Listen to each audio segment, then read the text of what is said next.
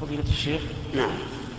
درج كثير من الناس على أنه إذا أراد أن يطلق زوجته يطلقها وهي في بيت أهلها.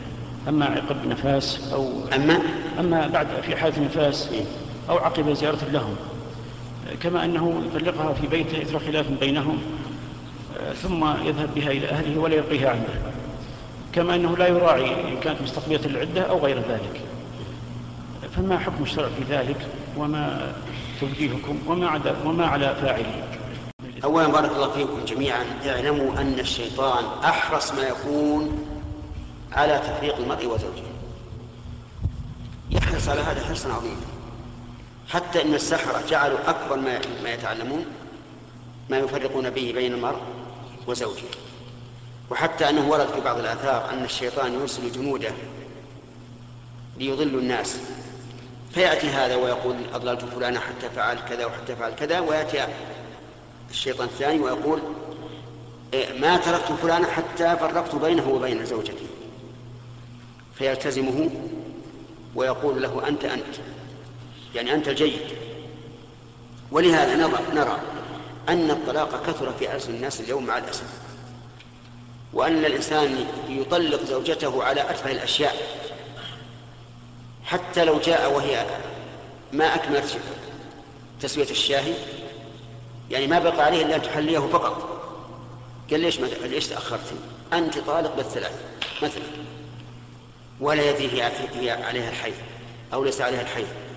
هي في طهر جمعها فيه أو لا؟ ما يدري لكن الشيطان يؤز حتى يطلق. ونحن نقول أولا لا تطلق امرأتك إلا عن روية. وعجز عن الصبر عليها. فإن أمكن الصبر فاصبر وتحمل. واذكر قول ربك عز وجل فإن كرهتموهن فعسى أن تكرهوا شيئا ويجعل الله فيه خيرا كثيرا. واذكر قول نبيك عليه الصلاة والسلام لا يفرك مؤمن مؤمنة يعني لا, لا, لا يبغضها ويكرهها. لا يفرك مؤمن مؤمنة إن كره منها خلقا رضي منها خلقا آخر. واعرف قدر نفسك وأنك رجل وهي امرأة خلقت من ضلع وأعوج شيء في ضلع ضلع أعلاه أنت تتحمل ولا تتحمل؟ تحمل منها. ألم ترى أن الرسول عليه الصلاة والسلام وهو أشرف الخلق اجتمع نساؤه عليه يطالبنه بالنفقة مع أنه أحسن الناس خلقا وأكرمهم أيضا حتى آل منهن شهرا عليه الصلاة والسلام.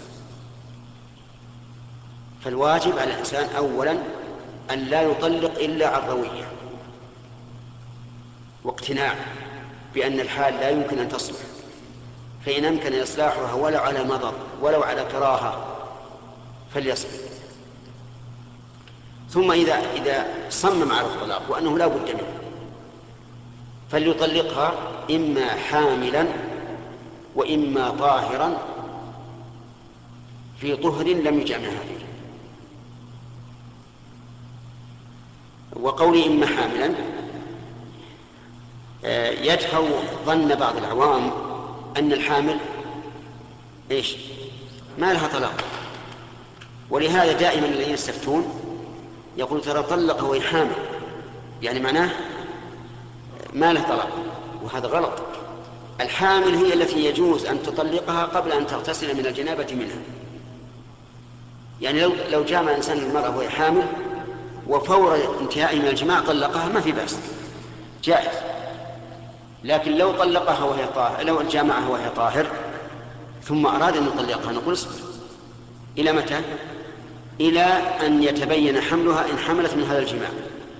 أو تحيض ثم تطهر ثم تطلقها قبل أن تجامعها ولذلك ينبغي الإنسان إذا أراد أن يطلق كما قلت يجب عليه أولا أن يتريث. فإذا كان لا بد من الطلاق فلينظر حال المرأة.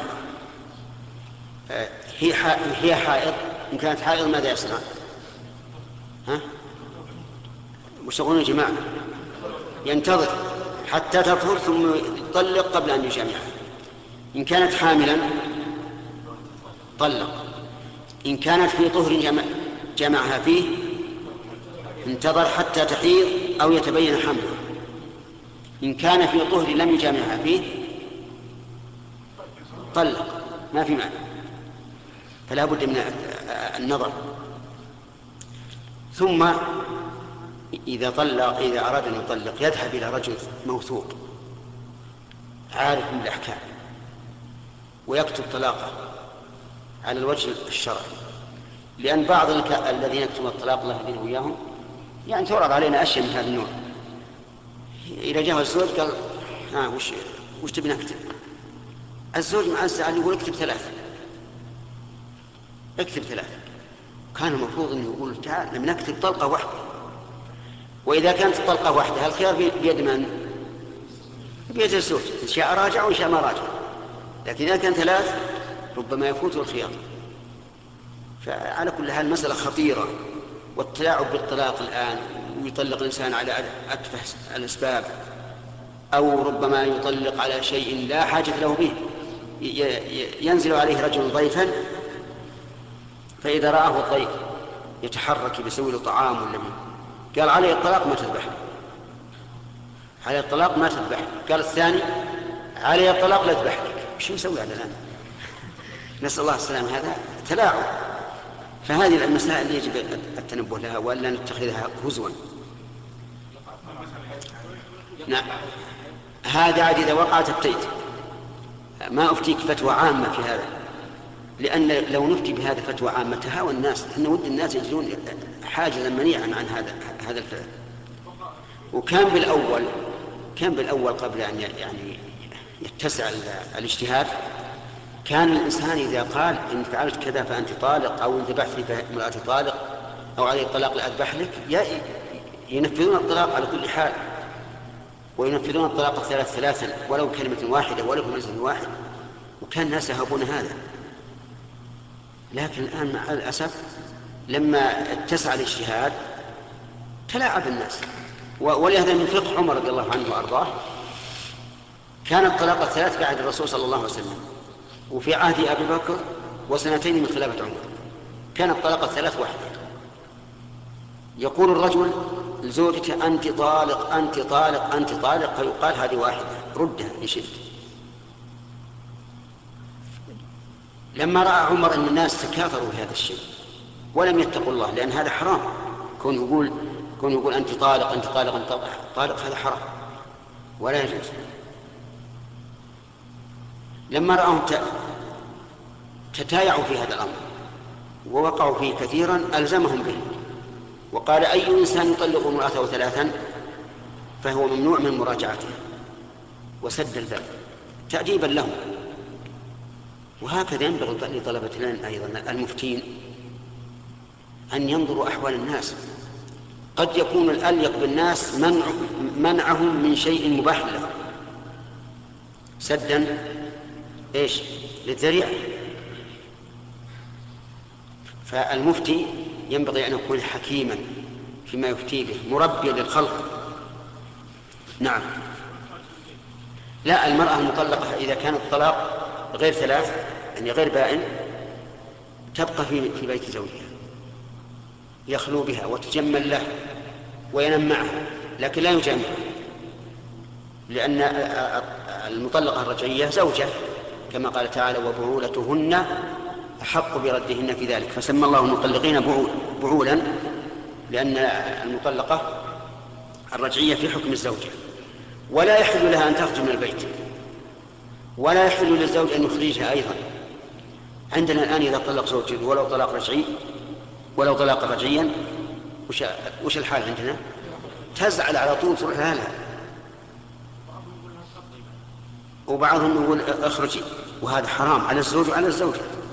لأن الله قال لا تخرجوهن من بيوتهن ولا يخرجن إلا أن يأتين بفاحشة مبينة وتلك حدود الله. ومن يتعدى حدود الله فقد ظلم نفسه. لا تدري الحكمة. لا تدري لعل الله يحدث بعد ذلك أمر لأن القول بيد الله عز وجل. قد يطلقها الرجل الآن راغبا عنها كارها لها. ويجعل الله في قلبه محبتها. فإذا كانت عنده بالبيت ما صار هناك كسر مثل ما لو خرجت إلى أهلها. هنا تصلك يصلك الدور إن شاء الله بارك الله فيك. ما عندنا إحنا تصور للجدار. البيوت من أبوابها. اللي بعده؟ لا ما سمعنا نعم.